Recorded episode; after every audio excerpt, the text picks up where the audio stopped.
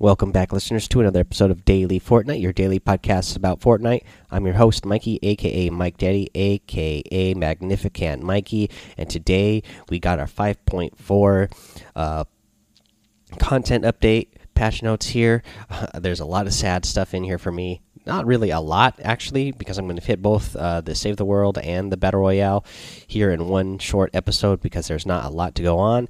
But uh, the sad that I have is a big sad that is in here. Uh, so just a little uh, foreshadowing. We'll get into it here. So here's a version 5.4 content update. It says, "Beware the shadows. Sneak up on your enemies in battle royale, and a new mythic outlander join joins save the world. Suppress assault rifle." Battle Royale. Take down your enemies quickly and quietly with this new assault rifle that rewards precision over rapid fire. Uh, the field agent Rio save the world. Phase into battle with the new mythic Outlander. Weekly Horde Challenge 6 Save the world. Shields won't help you this time. Take on even more aggressive husks with week 6 of the Horde Challenge. Known issues. Wanting to track the top community issues, head over to our Fortnite Community Issues Trello board here, and there's a link there. Again, you're going to find these patch notes over in the Discord. Let's see here Battle Royale, limited time mode, the getaway, bug fixes. Players in the getaway LTM can no longer land on the van without building, reduce the victory music at the end of the match. They're talking about the reduce the, the audio levels of that. People were complaining that it was too loud. Jewel will no longer appear in inventory hotbar after being put in the down but not out state. Player models will no longer get stuck under the van after winning a match. Uh, that was always a funny thing to see. Player models and items will no longer fall to the ground after winning a match. That was also funny to see. Enforcer outfit no longer appears distorted to other clients from certain distances. Um, that was something weird to see. Uh, it was always kind of weird how it was glitching out. And uh, here's uh, something cool, guys. Something cool is about to come up, but something very sad for me is about to come up as well in the weapons and items section. The suppressed assault rifle has been added, as we uh, suspected as they gave us that little in-game update telling us it was coming soon. Of course, they always do that right before a content update or a, a big update. They say the sneaky weapon that rewards trigger discipline with precision can be found in vending machines, floor loot, treasure chests, and supply drops. It is available in epic and legendary variants. It does 32 33 damage per shot. Here is the big sad. They vaulted the drum gun, you guys. My favorite gun in the game has been vaulted. Uh, I, I, guess they just thought it was too powerful and wanted to vault it for a while so they, they can work on it and make some changes to it. I hope that it comes back, um, you know, somewhat in the same form that it was before because it's my favorite. It was my favorite gun. Uh, like I said there for a while, you could not even you didn't even really have to carry an AR if you had a drum gun because it had enough distance. Maybe that is something they can change. They could change, you know, how you know the effective at the effectiveness of its range. I don't know, but for now the drum gun has been vaulted and it makes me super sad. so let's just the last little note we have here for battle royale is the performance and sub-region matchmaking added for Southeast Asia. More details here, and there's a link. We already went over that yesterday. Uh, here are the patch notes for the Save the World. Missions and Systems Weekly Horde Challenge 6 is now available. This week, deploy your portable fort against hordes of assassin husks, and players have no shields.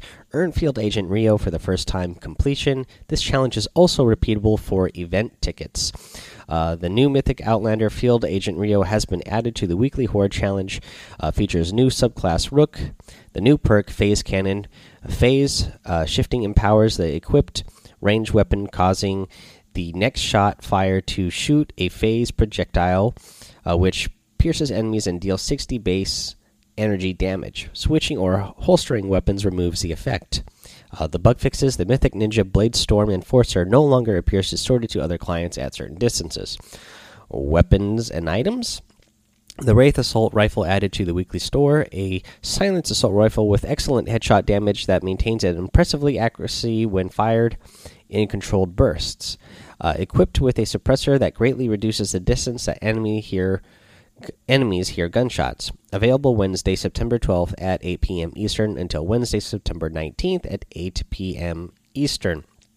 So there is our content update Uh, for today, again, big sad news that we are losing the drum gun, or the drum gun has already been lost at this point.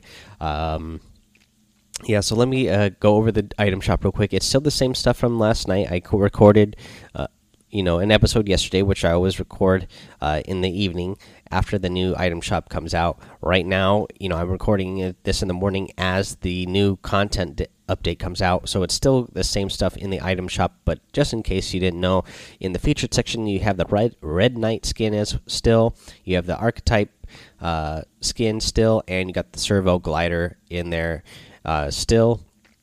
Let's see here. Um, you have the hula emote in there still. You have the circuit breaker skin in there, the snorkel ops skin, the specter harvesting tool, the hand signals emote, and the mainframe glider. Alrighty, guys, that's all for the item shop. I'll go over real quick. Um, we we, we kind of talked about how you can get the rest of those challenges done in the um, in the Getaway LTM. I'll, I'll go over here for you real quick where you can find the secret banner after you have found all of, or after you've completed all of week nine challenges. You're going to go on the grid to E8, and there is a bridge there. You're going to go to the south side of the bridge, and there's some rock formations. Uh, you're not going to go to the rock formation directly under the bridge. Uh, you're going to go on the south side of that rock formation, kind of on the corner. You are going to need to build up to get this secret banner. This is the banner that looks like the uh, runes that the uh, cube has left. So you'll go there. You're going to have to build about halfway up the little mountain formation there, and it's going to be on the side of the mountain. And that is where you're going to find that secret banner after you complete all of this week's challenges.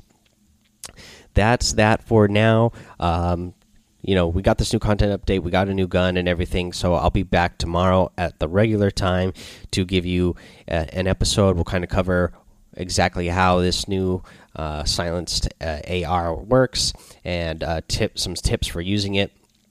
Uh, until then, I just want to say that you can support Daily Fortnite, of course, by going to anchor.fm slash daily Fortnite, hitting that listener support button. You can also uh, head over to iTunes and hit a five star rating, leaving a written review, and subscribing. You can join the Discord. Uh, that would be great. I'm sure there's going to be a lot of sad talk about losing the drum gun today. You can join me over on Twitch. Uh, follow me over there, and we will hang out there. Alrighty, guys, that's all I have for now. Uh, I'm going to go have a big sad now about the drum gun being lost. Uh, I'll be back tomorrow. Until then, have fun, be safe, and don't get lost in the storm.